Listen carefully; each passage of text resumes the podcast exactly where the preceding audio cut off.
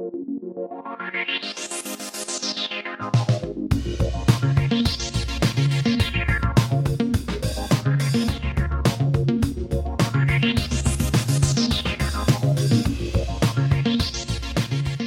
til Avisa Hordaland sin podkast. I dag så treffer vi ordføreren. Hans Erik Ringkjøp kommer innom en eh, tur og forteller oss litt om hvordan han har opplevd disse siste hektiske ukene i koronakrisa. Vi skal òg treffe stabssjefen i tinghuset. Tore Halvorsen heter han. Han er lørdagsgjest i avisa i dag, og så gjester han oss her i podkasten litt òg. Hvordan er det nå når han har skiftet bord ifra å være journalist til å sitte på andre sida og være informasjonsansvarlig i Heradet, i disse tidene når eh, innbyggerne kanskje trenger informasjon mer enn eh, noen gang? Vi skal òg eh, få besøk av internettkjendisen Psykolog med sovepose i podkasten i dag. Hun kommer for å fortelle oss litt om hvor mektig og kraftig naturen er som terapi oppe i den situasjonen vi sitter i nå. Så skal vi òg til slutt i dagens podkast få høre litt fra konserten som vi her i Hordaland eh, arrangerte sammen med Voss Lyd tidligere i uka. Da var vi i lagerlokalet deres oppe på Dalsmoen og fikk høre Irene Tillung, Olav Undland og Kåre Oppheim i eh, fantastisk samspill på akkordeon, tromme og gitar. Noen av låtene derfra får du helt eh, til slutt i podkasten i dag. Men først altså så skal vi høre om vi har ordføreren på plass i tinghuset.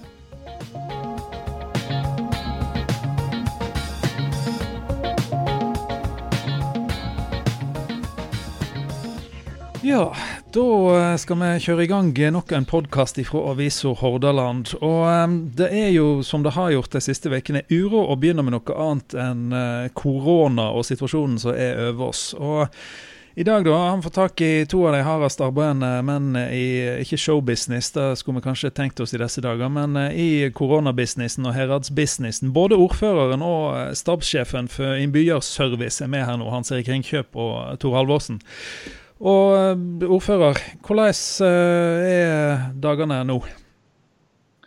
Nei, det er jo eh, veldig spesielle dager. Jeg, jeg, hadde jo eh, kanskje tenkt at dagene skulle vette litt sånn at en kunne være eh, litt mer hjemme og litt roligere, men det er det jo ikke. Det skjer noe hele tida. Og selv om det nå har begynt å stabilisere seg, så, så, er det veldig mye aktivitet, rett og slett. Og det er mange ting som vi skal ta stilling til, og det er mye folk lurer på. Så eh, ja, spesielle dager òg eh, for oss eh, her på, på tinghuset. Mm. Men Hvordan er det å gå litt sånn på vent nå? For En ser rundt seg at alle snakker om den her altså Man har kanskje blitt vant litt de siste ukene at uh, ting tilsynelatende humper og går. Det blir noen flere tilfeller med folk som er meldt syke. Men så dette her er store, voldsomme som vi ser fra verden rundt oss, at, uh, at folk rett og slett dør i store mengder og at vi vet at vi er på vei oppover en eller annen kurve her på berget. Hvordan er det å gå og vente på eventuelt noe sånt? Nei, det er, jo veldig kanskje ekkelt. Altså, du går og venter på noe så du ikke helt vet hva er for noe, eller når det stopper.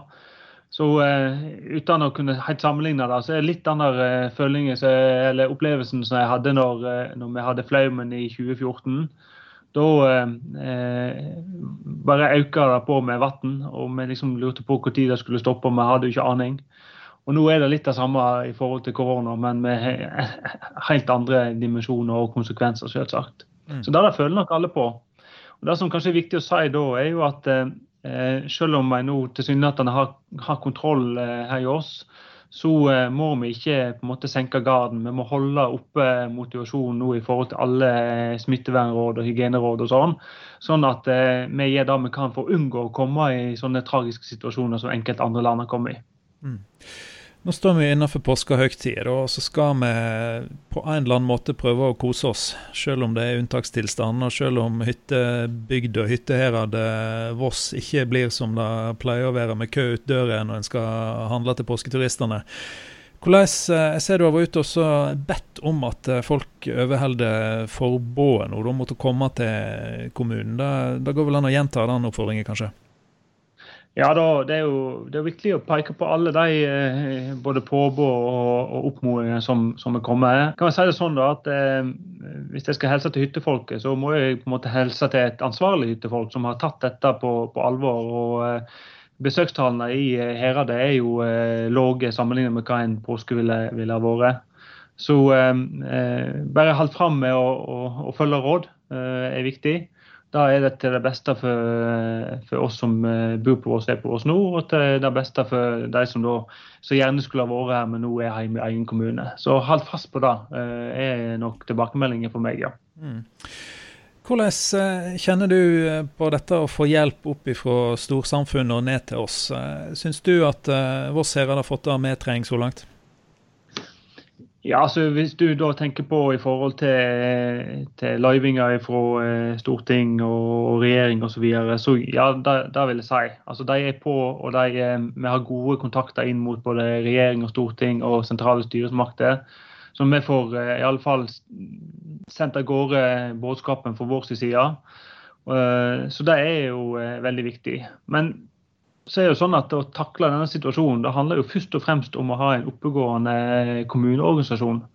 Og Det har jo blitt gjennomført store omorganiseringer nå innenfor helse og omsorg og, og oppvekst, der folk nå bidrar på områder der de aldri har, har jobba før. Så det er jo sånn sett er det, det er kommunene som er førstelinje her, og som må gjøre jobben. Så, ehm, og der er, får jeg bare si at det er en formidabel innsats som er blitt eh, lagt for dagen, som vi, vi, andre kanskje ikke ser. da, Men det er folk som er oppi dette hver eneste, hvert eneste sekund og minutt og, og time gjennom hvert eneste døgn. Mm. Det er tunge tider for næringslivet i, i Heradet. og Vi er jo en reiselivskommune. Ser nå det ute på Heradet og fisker etter informasjon nå og får litt mer eh, kjøtt på beinet i forhold til hvor gale det egentlig er dette her for bedriftene i eh, bygda. Hva tilbakemeldinger har du fått så langt? Nei, Jeg har fått masse tilbakemeldinger. så Dette er jo et samarbeid mellom Herade Heradet og eh, Næringshagen på Voss og Destinasjon Voss og, og, reisel, nei, og næringslivet generelt. Og eh, Folk er veldig flinke til å svare og fortelle hva jeg står eh, og Det er utrolig viktig for at vi i neste omgang kan både skape eh, politikk eh, her lokalt, eh, regionalt, men ikke minst den store nasjonale politikken som må til for at vi skal greie å komme gjennom dette her på, på skapelig vis. Og så eh, tror jeg jeg kan si der, da, oppi alt dette med mørke skyer og sånn, så opplever jeg jo en veldig sånn Eh, ja, klart ønske fra næringslivet og alle aktører til å, å brette opp ermene og gjøre en jobb nå for at vi skal løfte oss igjen når dette er over. Og Da er egentlig en sånn Vossa-mentalitet, en sånn her eh, urkraft som, eh, som, som, kommer fram. Og det er utrolig motiverende òg for, for meg i det arbeidet som ligger framfor oss. Det er bra, for det er jo de verre sånn at det ser ut som det ikke er helt over ennå. Vi vet ikke hva retning ting går, men eh, vi får i hvert fall stole på at det ber oss fram på deres hender nede i eh, Heradshuset nå eh, fram gjennom påsken. Og uh, har du ei påskehelsing nå da til, til slutt til folket, ordfører? Ja, da, eh, da, eh, vil jeg si da at eh, i år så vet jeg jo en annerledes påske. Ikke sånn som vi hadde trodd at det skulle bli. Og da er det å gjøre det aller beste ut av det. Ha det OK med de du har rundt deg. Kanskje ta en, ta en telefon til de du ikke treffer. En påsketelefon. Og så er det vel å si til, til alle at de må ha en god påske. Tusen takk skal du ha, Hans Erik Innkjøp, som tok deg tid i uh, det som er, er lov å spørre hvor lange dager? Nei, det er ikke lov å spørre om. Jo da, det er gode, gode lange dager. Eh, det, det, er stort sett innenfor arbeidstid, og så blir det en del telefon- og e-poster på kveldstid. Så eh, ja, Men jeg driver ikke og måler, da. Jeg kommer meg i seng til klokka er sånn 11-12 hver dag. Men nå eh, skal da eh, vi la stabssjefen for innbyggerservice få lov til å gjøre noe sånn normalt ikke eh, gjør. Og så jager ordføreren ut fra møterommet der nå sitt. Så kan ordføreren ta seg en tur rundt tinghuset og trekke litt frisk luft mens vi snakker videre med stabssjefen. Den er grei. Usch. Jeg, synes, jeg hadde kanskje forventa du skulle være litt brysk. jeg nå. Nei, lite bryskhet her. Det er det. Ja, ordfører. Ja. Ikke verst. Stabssjef altså Tor Halvorsen. Det er ikke helt tilfeldig at du ble sittende igjen nå, for du er portrettert uh, vidt og bredt i uh, Lørdagsavisa i uh, dag. Tidligere journalisten, å bli portrettert, hvordan var det? Det var en uh, ny opplevelse, men jeg har jo da produsert uh, en anselig mengde av tilsvarende portrett uh, i min tid i Hordaland, så jeg visste jo litt grann, hva som kom. Um, så jeg var godt forberedt, da, men det er, det er rart å være på andre sida slik sett. Mm. Dette omskiftet, da. Du har jo nå gått ifra å være en journalist i ei bygd på ikke større størrelse enn at en kan komme litt sånn i konflikt med seg sjøl og med andre. Altså Det er det som folk kanskje ikke tenker over med journalistrollen, er at i hvert fall når en jobber i en lokalavis, så treffer en alle en eh, skriver om eh, på butikken eller på sidelinja når en spiller fotball. og Det kan jo oppstå en del situasjoner som ikke er 100 kurante, for det er ikke alltid en kan skrive eh, sol og solstråler. Nei, og det gjør jo at du det, jeg mener i hvert fall at det, stilt, at det må bli stilt svært høye krav til uh, alle journalister som jobber i lokalmedia. fordi at du, uh, du treffer kildene som du sier på butikken eller på fotballtrening eller foreldremøte. Så du er, du er helt avhengig av å være 100 redelig og transparent uh, når du er journalist i lokalavisa. Spesielt når du da kommer inn på konfliktfylt saker, eh, kommer inn på eh, saker der du som eh, journalist skal målbære kritikk mot enkeltpersoner eller mot, mot politikere eller kommuner og slike ting. Og da må en på en måte ha det med seg at du må faktisk behandle folk skikkelig. Ikke bare fordi at du skal gjøre det, men fordi at du er helt nødt til det. Skal du i hele tatt kunne klare å leve i et lokalsamfunn. Eh, og Min opplevelse av det Jeg har jobba i forskjellige lokalaviser, egentlig. og det, Min opplevelse er at eh, du kan egentlig skrive og være så kritisk som du bare vil, så lenge du er åpen og redelig og slipper alle til, slik som da presseetikken i utgangspunktet legger opp til. Interessant. For det er jo nå eh, litt av grunnen til at jeg ringer deg i dag, at du har vært så velsigna at du har fått sitte på begge sider av bordet nå, på en måte. For nå sitter du jo i kommunen, og du sitter og skal informere. Og det er jo ikke alltid dette her med å være åpen er det som eh, altså Det er ikke alltid kommunen er den enkleste motparten for journalisten. Hvordan er det når du sitter og sier disse tankene som du har om dette med åpenhet, når du skal sitte og så styre informasjonsflyten ut ifra kommunen? Ja, Det er veldig opptatt av i min jobb. da, Det er å prøve å ufarliggjøre akkurat denne biten der. Um, være veldig tydelig på at i en sak så er det ikke, det er ikke journalisten eller avisa eller radioen eller TV-kanalen eller nettavisa som er, som er mottakeren av det budskapet vi sender ut, eller den informasjonen vi gir. Det er jo faktisk eh, innbyggerne som skal lese denne her eh, avisa eller, eh, eller høre på det radioprogrammet.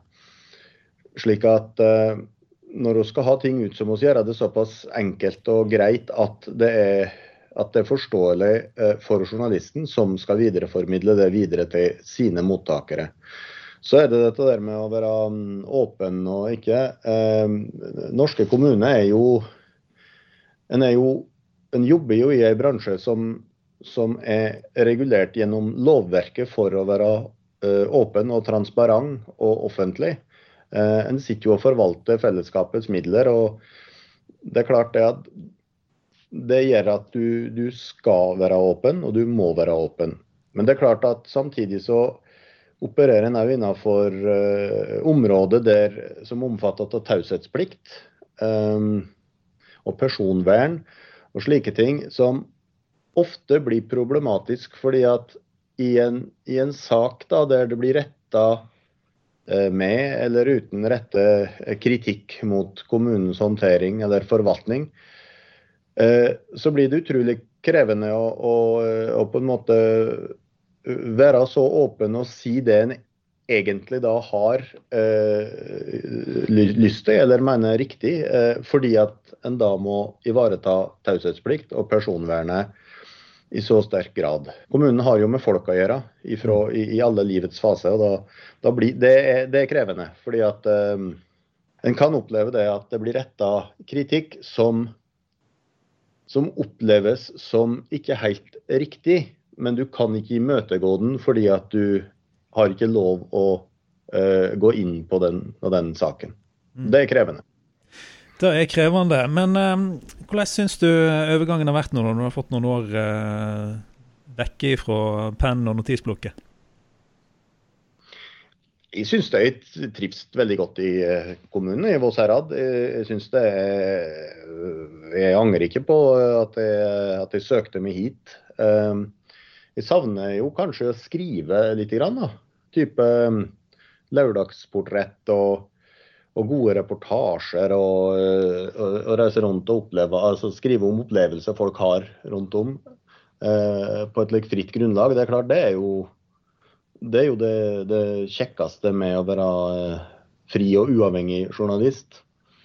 Men eh, samtidig så, så sakner jeg ikke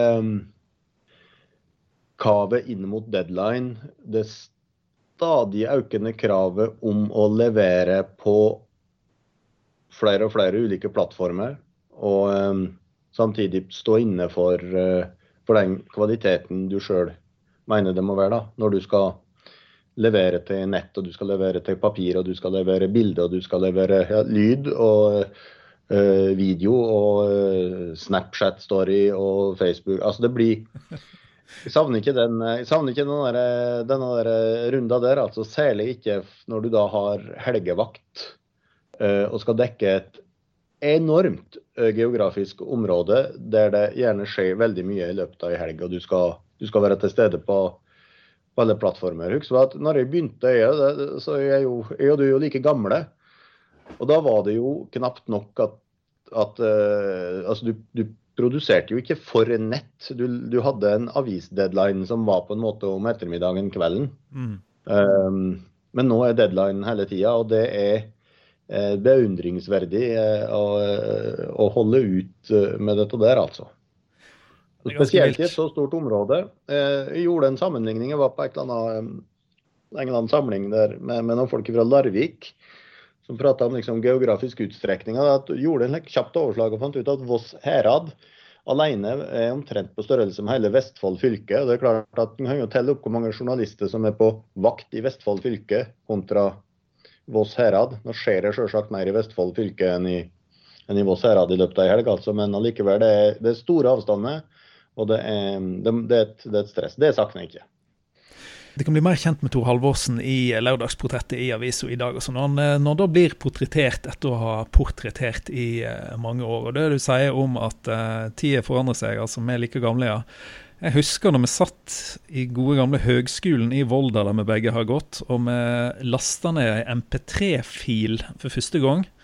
Og det tok mm. 15-20 eh, sekunder å få ned et par megabyte med musikk, og det strålte ut i redaksjonen der. Og vi kunne ikke være mer forundra og eh, lamslått om det hadde landa et romskip ute i hagen utenfor der. Og det er, det er, knapt 20 år siden, altså.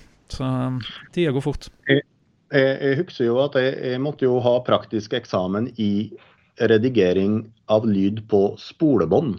Altså, du hadde ikke opptakshus... Altså, da var jo harddiskopptakerne begynte jo å komme inn, men også redigerte altså på spolebånd med, med, med saks og teip. Det høres ut som det var i et annet årtusen, og det var jo for så vidt det. Så vidt. Ja, ellers så må du ha lykke til med 80-årsdagen. Det var nesten sånn eh, nivå på ting her nå. Men eh, ja. Tidene forandrer seg. Tor Halvorsen, du er altså nå blitt eh, stabssjef for Innbyggerservice. Og eh, akkurat det der eh, kan du jo få lov å slutte litt på den noten, da. Hva er det viktigste du kan gjøre for innbyggerne i Heradet? Hjelpe dem med å finne fram i den kommunale jungelen. Når de skal finne de tjenestene de har rett på, eller de tjenestene som de har behov for. Det er egentlig det viktigste jeg driver med. Eh, og det gjør oss gjennom eh, prøve å være gode på informasjon ut, prøve å være gode på å kommunisere både med innbyggere og med næringsliv og media.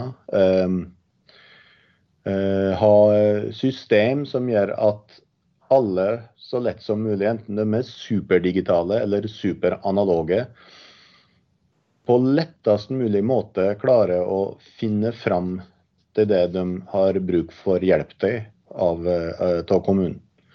I tillegg så uh, Eh, altså Voss Herad er jo en organisasjon med over 1300 ansatte. og Det er klart at eh, det interne informasjonsbehovet og de interne kommunikasjonsformene er jo viktig for, at, eh, for, for å få utført de, de, gjort den jobben en skal gjøre. Da. Og det er klart at Slik sett så er jo innbyggerservice på linje med veldig mye annet en støttetjeneste for kjerneoppgavene til kommunen. Som jo er å drive skole, barnehage, helse, alle ja, vann, avløp, alle disse der kjerne, kjerneoppgavene. Og så er det en støttetjeneste for å hjelpe de fagfolka til å kunne gjøre en best mulig jobb for innbyggerne. Det er det viktigste.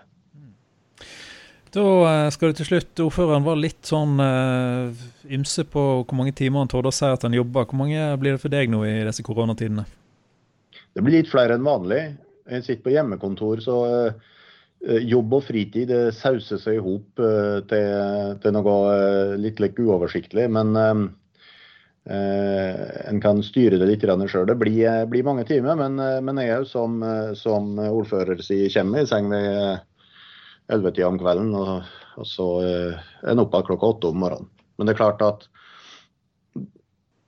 i min jobb, som jeg har, har mye mediekontakt, så, så det er klart at det kommer jo e-poster fra kveldsredaksjonene. De, de, de sender jo e-post når de er på jobb. Og eh, i disse tider så eh, skrur ikke jeg av push-varselet på mobiltelefonen, så jeg får jo e-posten. Og da begynner jeg å lese e-posten, selv om klokka er ti om kvelden. Men eh, det blir en del timer, men eh, det, det har stabilisert seg. Det var, det var mer, mer, de første 14 dagene enn det er nå.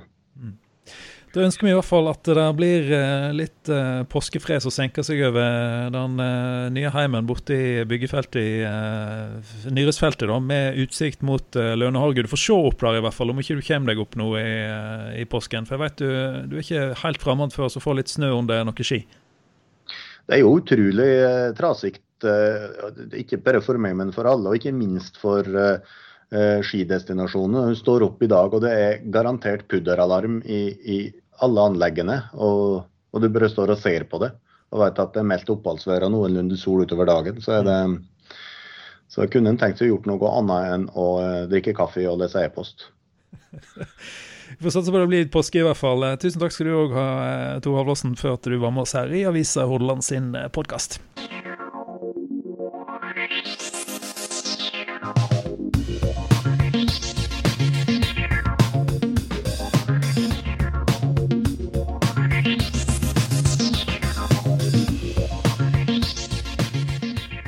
Da har vi fått uh, storfint besøk faktisk i podkasten til Avisa Hordaland her i dag. Det er selveste psykolog med sovepose. Det er et uh, Instagram-alias på en uh, konto med atskillige følgere, som da er med psykologen i soveposen på flotte turer, Johan Refseth. Og um, nå har du tatt turen ut av landet. I alle dager, hvor har du tatt med soveposen nå?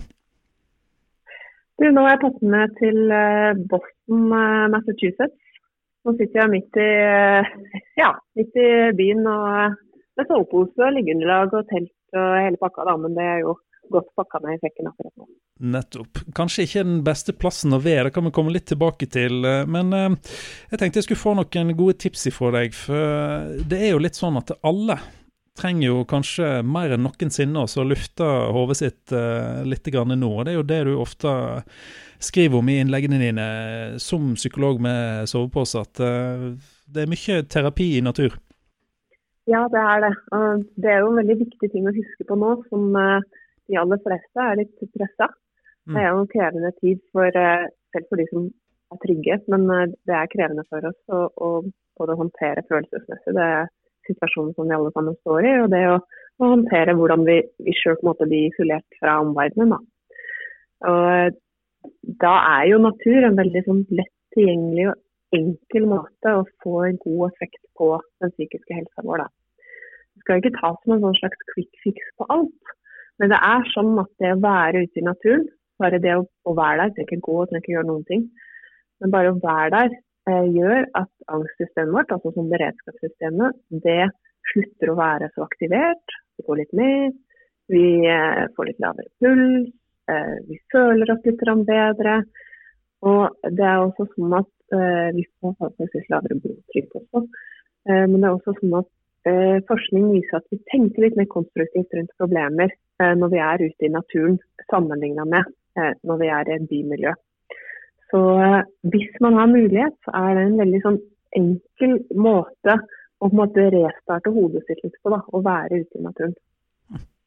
Interessant. Da er det jo bare å håpe at eh, de aller fleste, sjøl i den situasjonen som vi er oppe i da, nå i påsken i hvert fall, får mulighet til å lufte seg litt, om så ikke de kommer seg på hytta. Men det her mm. å ordne opp i tunge tanker og sånne ting, hvor altså Det er kanskje selvsagt, men en bør kanskje begynne med det før en har behov for det? Ja, det er jo litt sånn derre dette her med å, å, gå til psykolog er jo viktig hvis man kjenner at man trenger hjelp. Men det, det liksom for å forebygge også at man kommer dit hvor at det blir helt krise.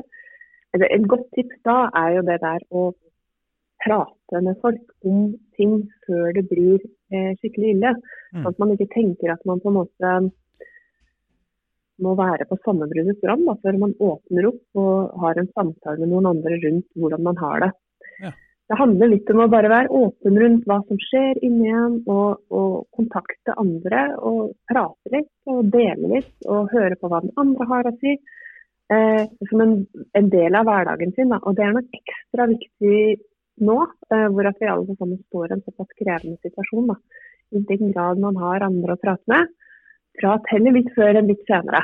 Um, og Det er jo sånn masse hjelpetelefoner og chat-tjenester og sånt som er åpent nå. Hvis man kjenner at man liksom Man skal ikke føle at man må være i krise for å ta kontakt med både disse her eh, hjelpetelefonene, men også med andre eh, familie, venner, andre man kan prate med. Da. Mm. Ta oss med nå da til uh, Boston. Hvordan eh, er det å være i eh, USA nå? For vi ser jo mer og mer eh, bratt kurve, som de snakker mye om, på tiltak og nedstenging. Og det, det blir snakka med større og større bokstaver der borte òg. Hvordan er det å være der nå? Jeg syns det er strevsomt fordi det er så mye usikkerhet. Men det har det vært i mange uker allerede. Det starta jo litt her i, starten av mars og hadde noen veldig merkelige stemninger. Da snakka jeg med legen til dattera vår som liksom kommer med som nesten sånn urban legende og sier til meg at liksom, ja, det er masse folk som har koronavirus her, det kommer til å bli kjempepeak, dere må bare holde dere unna folk. Mens at presidenten står og sier at nei, nei, her er det ingen stress. og Nå lukker vi grensene til Europa, alt kommer til å gå bra. Da har det på en måte bare balla på seg. Da. Så det er jo en slags følelse av angst da, eh, som, eh, som er ved å være her. Faktisk så um, ja, men altså Det gode er jo at vi bor i Massachusetts, og de har satt inn en del strenge tiltak uh, tidlig. Da. Så det, det, er jo forskjellig fra delstat til delstat. Og folk er også veldig flinke til å overholde det. Altså Folk går ut og går av fortauet når de møter deg på veien. og mm. De er fryktelig dyktige på det viset. Men, men jeg bruker faktisk dette med natur, og det kan om det helt bevisst nå.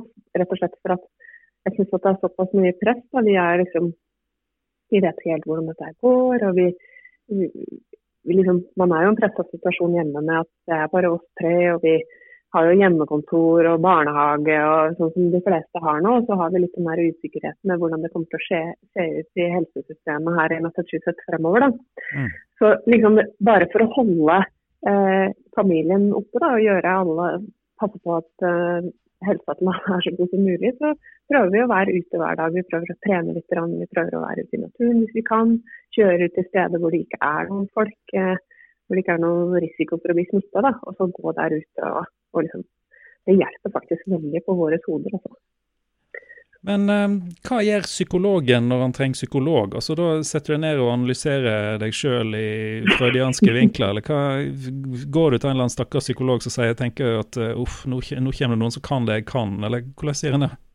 Nei, ja, altså, men jeg tror det er en sånn en yrkesskade nesten å analysere seg selv litt for mye. Men nei, hvis jeg hadde trengt psykolog, så hadde jeg nok eh, kontakta en psykolog. Og, og, og, så tror jeg egentlig at det nesten er lettere å ha en psykolog i terapi enn det er å ha vanlige folk. fordi at man, da trenger man, kan man liksom prate om eh, prate litt på samme uten å oversette faguttrykket vårt. Da. Mm. Men, uh, men, da vil nok definitivt altså Jeg tror nok vi har veldig lav terskel for å gå til psykolog også. For vi vet liksom at ja, men, dette her er bare helt vanlige folk, og de er bare hjelpsomme. Og vi vet at det, at det hjelper veldig, da. Så uh, greit, nå er jo alle på nettet også, så nå er det jo så enkelt. Det høres eh, bra ut. Da får vi bare ønske psykologen i soveposen eh, lykke til med å finne ut av eh, hvor du skal henge opp soveposen nå, om det blir der borte eller her hjemme igjen. Og så takker vi for tipsene i dag. Tusen takk for det. Takk for at jeg fikk være med.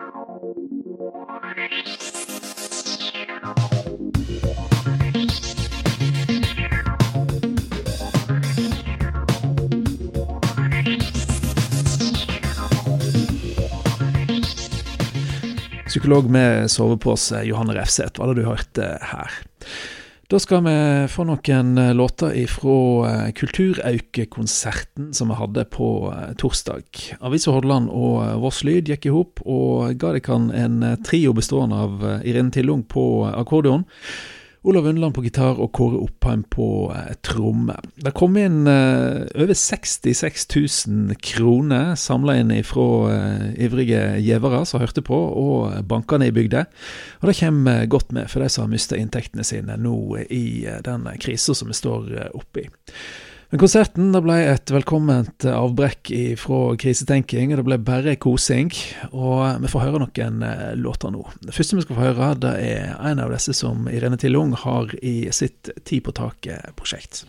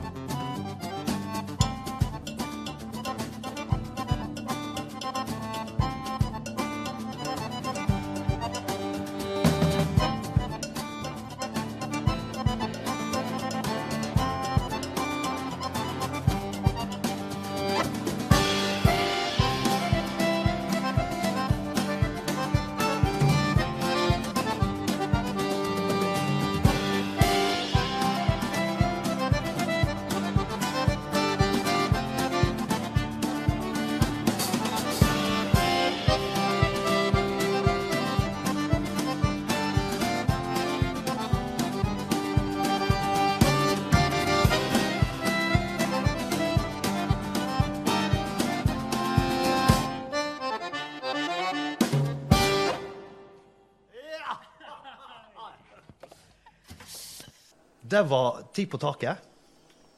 Knalltøff låt. Nå skal jeg spille en, eh, en låt her da, som jeg har kalt for 'Halvparten av en mann'. Jeg liker jo best å skrive om tull og tøys. Men nett, nett på denne her så eh, prøvde jeg meg litt sånn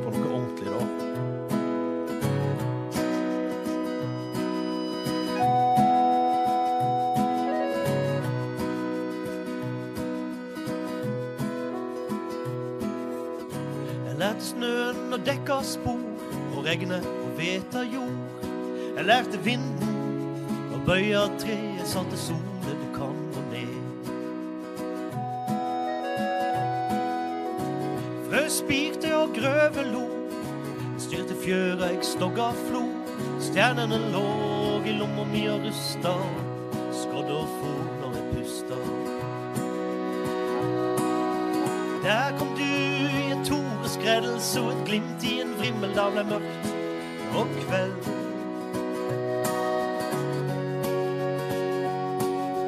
Rutene klirrer og gjorde spann, og i stova etter sto halvparten av en mann.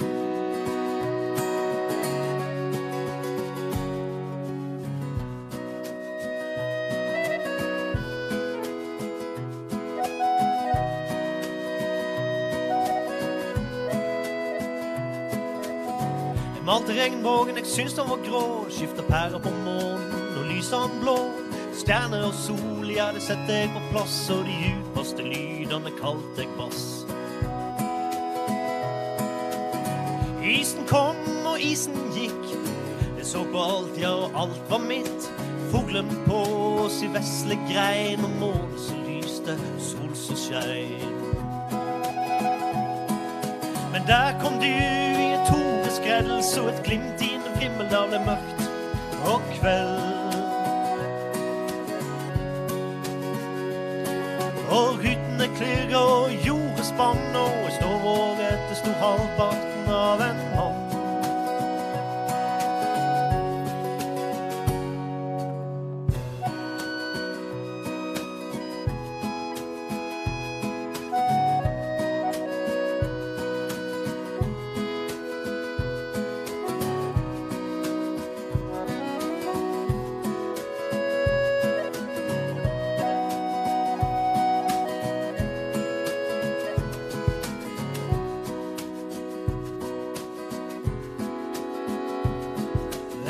slik var det før, ja, det er ikke slik nå. Du ser på meg og ber meg ta det med ro. Hadde jeg bare fått det til, ja, fått deg til å smile og fått deg til å le. Der står fast når jeg skrur av alt, når jeg styrer mot stjerner, når alt blir kaldt, når jeg blir kalt inn på teppet og hviler i jord, når jeg blir ropt inn til siste middagsbord. Men der toreskreds og et glimt i en rimmel, da ble mørkt og kveld. Og gudene klirrer og gjorde spann, og jeg står våget etter sto halvparten av en mann.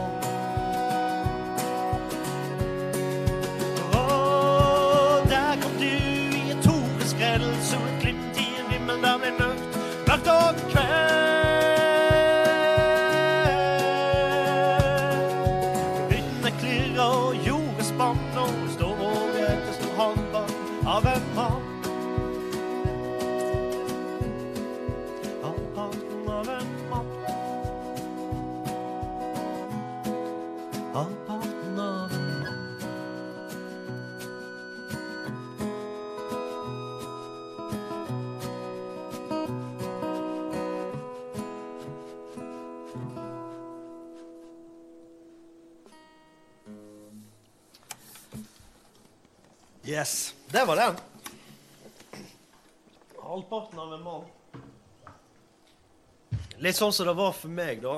At jeg drev jo på i, eh, i mange år og spilte blues rundt omkring da. Det var jo mye 'Baby I Love You' og sånne bomullsmarker og den slags. da. Jeg og du, Kåre, vi spilte jo til og med i bluesband i lag med. Gjorde ikke vi det? Stemmer det? Vi si navnet? The Holy Smokers. Vi hadde én spillejobb da, i, uh, i puben på På Nøring. På Nøring, ja. Gode, gamle puben der, da. Legendarisk. Sånn. Og her sitter vi igjen nå, da. Men jeg vet når jeg spilte blues, da, Kåre, da spiller du jo låter av Robert Johnson, Tommy Johnson, Lonnie Johnson, Liddell Johnson, Clarence Johnson. Eh, så når jeg begynte å skrive låter på norsk, da, så tenkte jeg at eh, da må vi jo ta utgangspunkt i Tor Jonsson. så eh, da er det en eh, norsk kjærleikssang som jeg liksom skulle lage en låt ut av, da, så fikk jeg det ikke til. Så lånte jeg noen tanker fra det diktet, da, så ble det til Fritt etter Jonsson.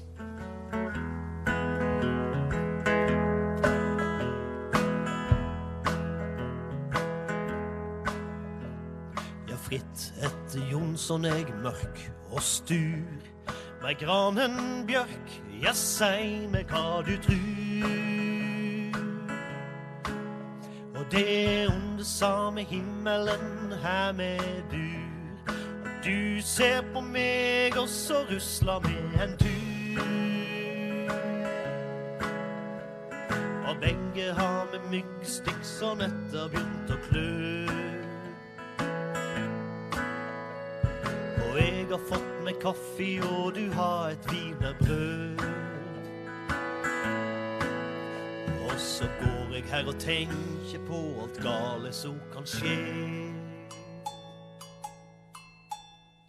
Og da er ikke du, ja, sånn må det vel være. Så går jeg mot natte, mørk og svart. Du mot morgenen jo så bjart. Ja, slik har det vært, ja, vi så det etter hvert. Begge med netta med vart. Men når månen lyser, ja, så er det lett å sjå. Hva jeg skulle ha gjort og sagt, og hva jeg skulle ha vært. Og hver vi går, jeg legger til, jeg trekker fra. Og du sover godt, ja, du gjør det du må.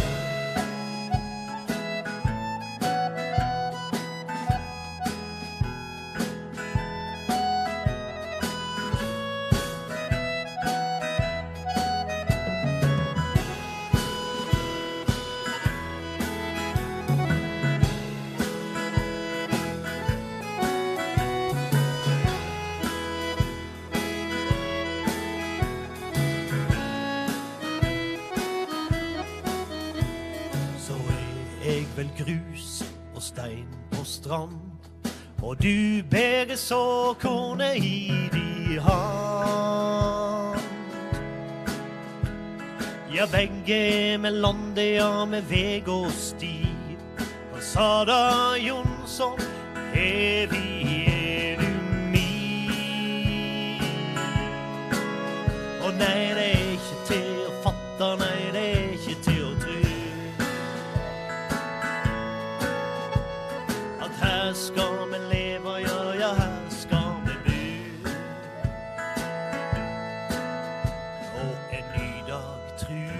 vi får sjå hva han byr.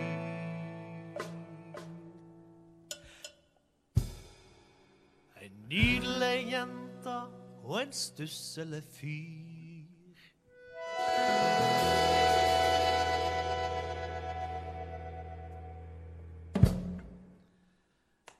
Ja, nok om meg, Irene. Jeg Syns vi skal ta en applaus for de fine låtene til Olav. Eh? Takk skal du ha. Jeg, Jeg setter pris på det. Men jeg har hørt, eh, jeg har hørt litt på uh, Ti på taket-plata di, jeg. Nå er det siste. En fantastisk fin plate. Uh, fortell litt grann akkurat om det prosjektet, da. Ja, Um, nå går vi jo inn i uh, det som er Vossøyas helge. Uh, helge over alle helger. Jeg skulle jo få være så heldig å få spille en konsert med Ti på taket på Vossøyas i år. Det blir eh, neste år. Heldigvis. Eh, at ikke vi mister den muligheten helt for å spille på oss. Eh, dette prosjektet da kom i gang for noen år siden når jeg skulle skrive litt ny musikk. Og så fant jeg ut at jeg skulle gi ut ei plate med bare egen musikk. Så jeg spurte um, Pål Hausken på tromme, som jeg har spilt litt med tidligere. Og Kaja Fjellberg Pettersen på cello, som jeg hadde egentlig en trio i starten da. Dette balla på seg. Til slutt så var vi ti pers, for jeg skulle jo ha strykekvartett og jeg skulle ha alt mulig med på dette prosjektet her. Så vi endte opp med ti timannsensemble med Høres ut som liksom prosjektet der du liksom skulle gjøre alt. Ja, det er i hvert fall verdens største trio. Ja. så, men jeg fant ut når jeg endte opp med ti, da, inkludert meg sjøl, så det er jo bedre med ti i hånden enn én på taket, ikke det sånn? Jo, det er jo det. Men, eh, men eh, Eller bedre med ti på taket enn én i hånden. Det var ja, omvendt. Ja. Det var sånn det var, ja. ja. Var det plass til deg i bandet da til slutt, eller? Ja, så vidt. Så vidt? Fikk spilt lite grann? Ja, jeg, eh, jeg må passe på så jeg ikke skriver meg ut. det er jo ofte sånn at liksom, tegnet på en god sjef, da, det er jo hvis du gjør deg sjøl overflødig. Jo, tusen takk. Det, har frister egentlig litt. det er så flinke musikere at jeg uh, ja, kan godt Du kan, kan bare skrive og levere det fra deg, altså. Men du, nå skal vi spille uh, ja. en låt som er fra den første plata, da. Og den heter 'Grå ganger'. Yes. Ja. Og så går vi vel rett videre derfra til noe spennende. Ja, ja hemmelighet. Gudene veit hva som kommer da. Nå kommer det en Holy Smokers-låt. Ja.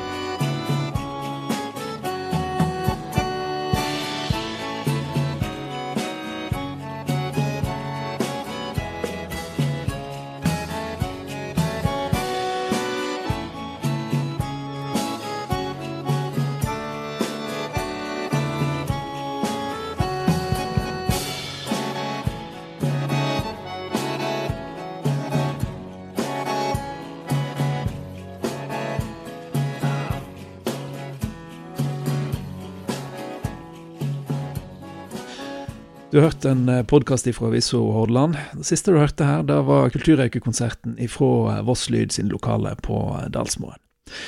Der kom det inn sårt tiltrengte kroner til både musikere og Voss Lyd som arrangør, og vi håper å fortsette med sånne konserter i ukene framover våren. Har du lyst til å se hele konserten fra torsdag, så gjør du det på hjemmesida til avisa. Siste avisa før påske kommer på tirsdag, men vi er med deg på nett gjennom hele påsken. Ha ei riktig så god påskeveke, gåsfolk.